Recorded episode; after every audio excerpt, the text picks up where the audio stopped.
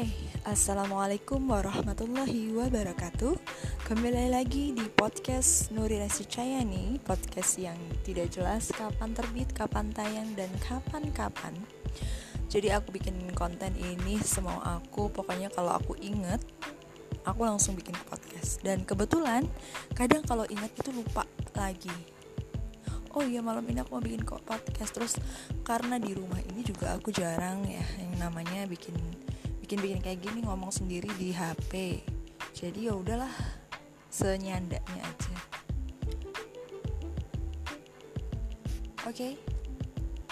kali ini aku mau bahas undang-undang uh, apa tuh cipta kerja yang saat ini masih booming banget ya.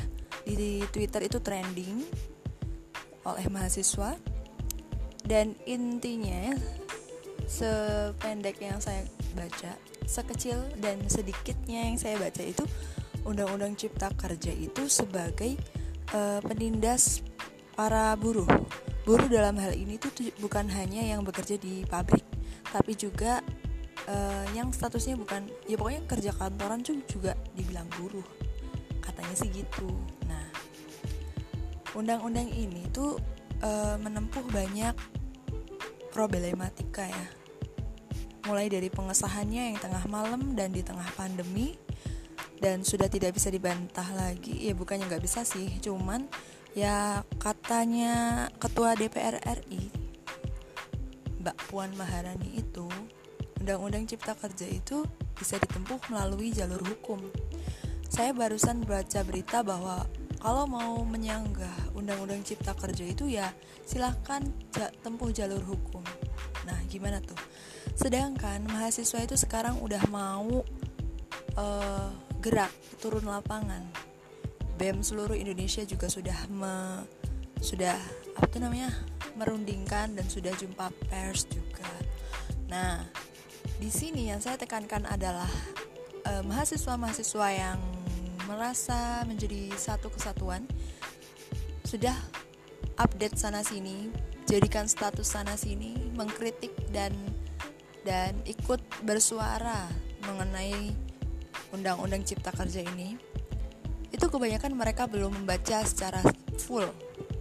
Oke okay, bolehlah baca rangkumannya namun alangkah baiknya dibaca lagi dari berbagai sisi.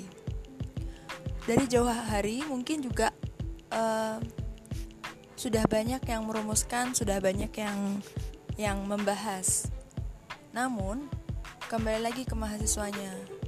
Kalau bisa mahasiswa itu membaca kenapa sih kok bisa jadi polemik? Kenapa sih kok kok uh, ditantang oleh orang-orang gitu? Kenapa ditantang oleh buru-buru? Jadi nggak asal nggak asal bersuara gitu loh.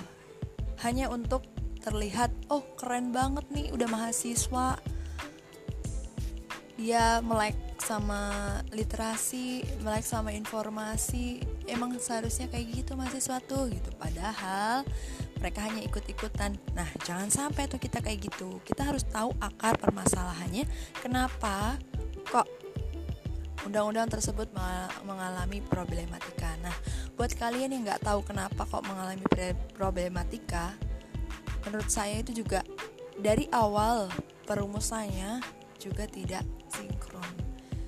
Nah, itu seperti sebuah tahu bulat digoreng dadakan dan itu juga seperti sebuah pesanan dari oknum-oknum yang tidak bertanggung jawab sehingga undang-undang tersebut dirumuskan dan diciptakan. Seperti itu. Salah satu undang-undang yang menjadi yang menjadi kritikan adalah intinya itu kalau dia tidak berpihak kepada pekerja. Nah, tidak berpihak kepada pekerja wanita di mana cuti haid hari pertama itu ditiadakan. Apakah benar? Nah, ini yang harus ditekankan, yang harus di yang harus dibaca ulang. Oke. Okay? Oke. Okay. Seperti itu dulu kita bahas sore ini. Sampai jumpa di podcast selanjutnya. Bye bye.